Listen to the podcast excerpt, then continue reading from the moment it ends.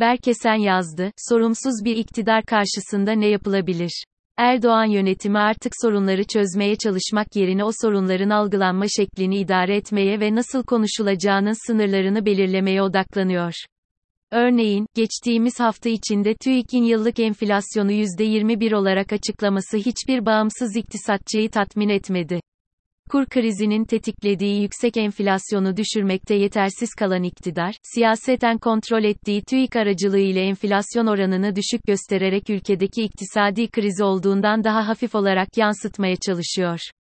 Yaratılan bu algının yetersiz kaldığı durumlarda bir taraftan dış güçler veya ekonomik aktörleri suçlarken, öte yandan konunun gündeme gelmesini ve muhalefet tarafından tartışılmasını engelliyor. Günümüz Türkiye siyasetinde artık neredeyse her konu milli güvenlik alanına sıkıştırılarak eleştiriden muaf hale getirildi. Örneğin, bölgesinde yalnızlaşan ve ciddi güvenlik sorunlarıyla boğuşan hükümetin son MGK toplantısında ana gündem konularından bir tanesi ekonomiydi. Hesap ve ERMEME halı giderek ağırlaşan ekonomik tablo nedeniyle Erdoğan yönetimi muhalefet karşısında sertleşiyor. Yaklaşık 10 gün önce MHP Ankara İl Başkanı'nın yönlendirmesiyle bir grup ülkücü Alparslan Türkeş Vakfı'nın düzenlediği Türkeş anmasını basarak MHP'ye muhalif Türk milliyetçisi grupla kavga etti. Bir haftadan fazla süre geçmesine karşın olayın failleri hakkında soruşturma bile açılmadı. Bu hesap vermeme durumu iktidar ortakları tarafından artık neredeyse kanıksanmış durumda. Geçtiğimiz hafta grup toplantısı sonrasında basın mensuplarıyla bir araya gelen MHP Genel Başkanı Devlet Bahçeli, Türkeş anması ile ilgili gördüğü Ankara Büyükşehir Belediye Başkanı Mansur Yavaş'ı üstü kapalı tehdit etmekten çekinmedi. Artık iktidar temsilcileri muhalefet partilerine hesap vermemenin ötesine geçerek, onları kendilerine muhatap bile kabul etmeme noktasına geldiler.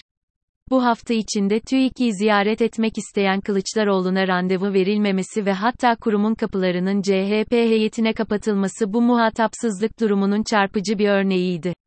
Dün akşam Kılıçdaroğlu'nun yaptığı 2022 bütçe konuşmasında gündeme getirdiği eleştirilerin hiçbirisine cevap veremeyen iktidar partisi vekilleri genel kurulda söz atarak ve kavga çıkararak konuyu geçiştirmeye çalıştılar.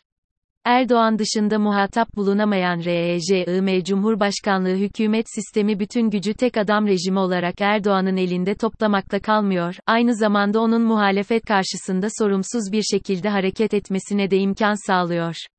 Kamu görevlileri, bakanlar ve milletvekilleri de kendilerini sadece Erdoğan'a karşı sorumlu hissettikleri için Erdoğan'ın desteği devam ettiği sürece muhalefeti muhatap olarak bile kabul etmiyor.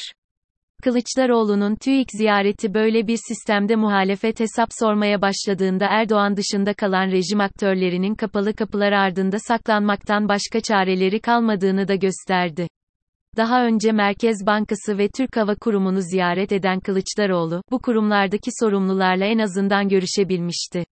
Yaşanan ağır ekonomik tabloda artık buna bile imkan kalmadı aldığı kararların sorumluluğunu üstlenmeyen ve halkta yarattığı etkileri fark etmeyen bir rejimle karşı karşıyayız. Ne yazık ki, yaşanan bu tablo Türkiye'de uzun süredir devam eden rekabetçi otoriter rejimin artık giderek seçmen bağının zayıflaması ve siyasi gücün tek bir kişinin elinde toplanmasının sonucu gerçekleşiyor. Seçimlerin düzenli yapılıyor olması Türkiye'yi demokratik olarak nitelendirmek için yeterli değil. Çünkü Türkiye'de artık serbest ve adil koşullarda seçim yapılması ve siyasi aktörlerin birbirleriyle aynı zeminde rekabet edebilmesi mümkün değil. Devlet kurumlarını partizan şekilde kontrol eden iktidar, kamu kaynaklarını partizan şekilde kendi destekçilerine dağıtıyor. Dolayısıyla aldığı siyasi ve iktisadi kararlar kendi destekçilerini zenginleştirmek üzerine kurulu. Bu nedenle kamu kurumları, kamunun çıkarlarını gözetmek yerine ancak bu partizan programı takip ediyorlar. Rekabetçi otoriter rejimde iktidarın ŞAHSİ ile EŞMESİ rejimin rekabetçi otoriter karakteri aslında en azından 2015 yılına kadar götürülebilir. Fakat Cumhurbaşkanlığı hükümet sistemine geçilmesiyle birlikte bu rejimin tek ve tartışmasız lideri Erdoğan haline geldiği için bu partizan kurumlar da artık sadece ona bağlı olarak çalışıyor. Nokta. Önceki senelerde rejimin hala seçim kazanma kaygısı ön planda olduğu için en azından seçmenlere yönelik bazı hesap verebilme mekanizmaları vardı. Bu mekanizmalar bir taraftan meclisi, öte yandan partiler arası rekabeti önemli halde tutuyordu. Cumhurbaşkanlığı hükümet sistemi altında bu mekanizmaların hepsi çökmüş haldeler. Bu rejimde iktidarda kalmanın yolu seçmenlere hesap vermek yerine milli güvenlik vurgusu üzerinden eleştiri sınırlarını giderek daraltmaktan ve iktidar partisi ve kamu kurumlarını Erdoğan'ın güdümüne sokmaktan geçiyor. Bu duruma karşı sivil toplumun verdiği tepkiyi de Erdoğan yönetimi arkasına aldığı emniyet güçleri, politize olan yargı veya ortağı olan MHP'nin şiddete yatkın tabanı aracılığıyla bastırmaya hazır. Artık muhalefetin elinde kalan son silah bu iktidarın karşısına konulacak sandık olacak. İktidarı bir an evvel erken seçime zorlamak da muhalefet partilerinin görevi olacak.